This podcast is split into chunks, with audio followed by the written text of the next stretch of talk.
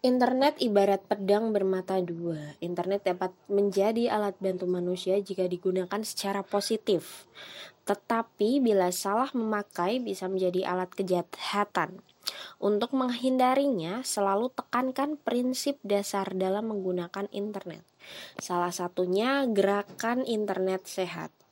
Internet sehat sendiri merupakan gerakan yang mengupayakan pengguna internet mengakses suatu informasi secara positif. Bencana alam tsunami yang terjadi di Aceh 14 tahun yang lalu begitu mengerikan.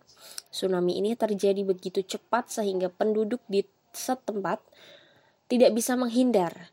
Mula-mula bencana ini diawali oleh gempa bumi, gempa tersebut mengguncang seluruh daratan Aceh hingga mencapai daratan di permukaan laut.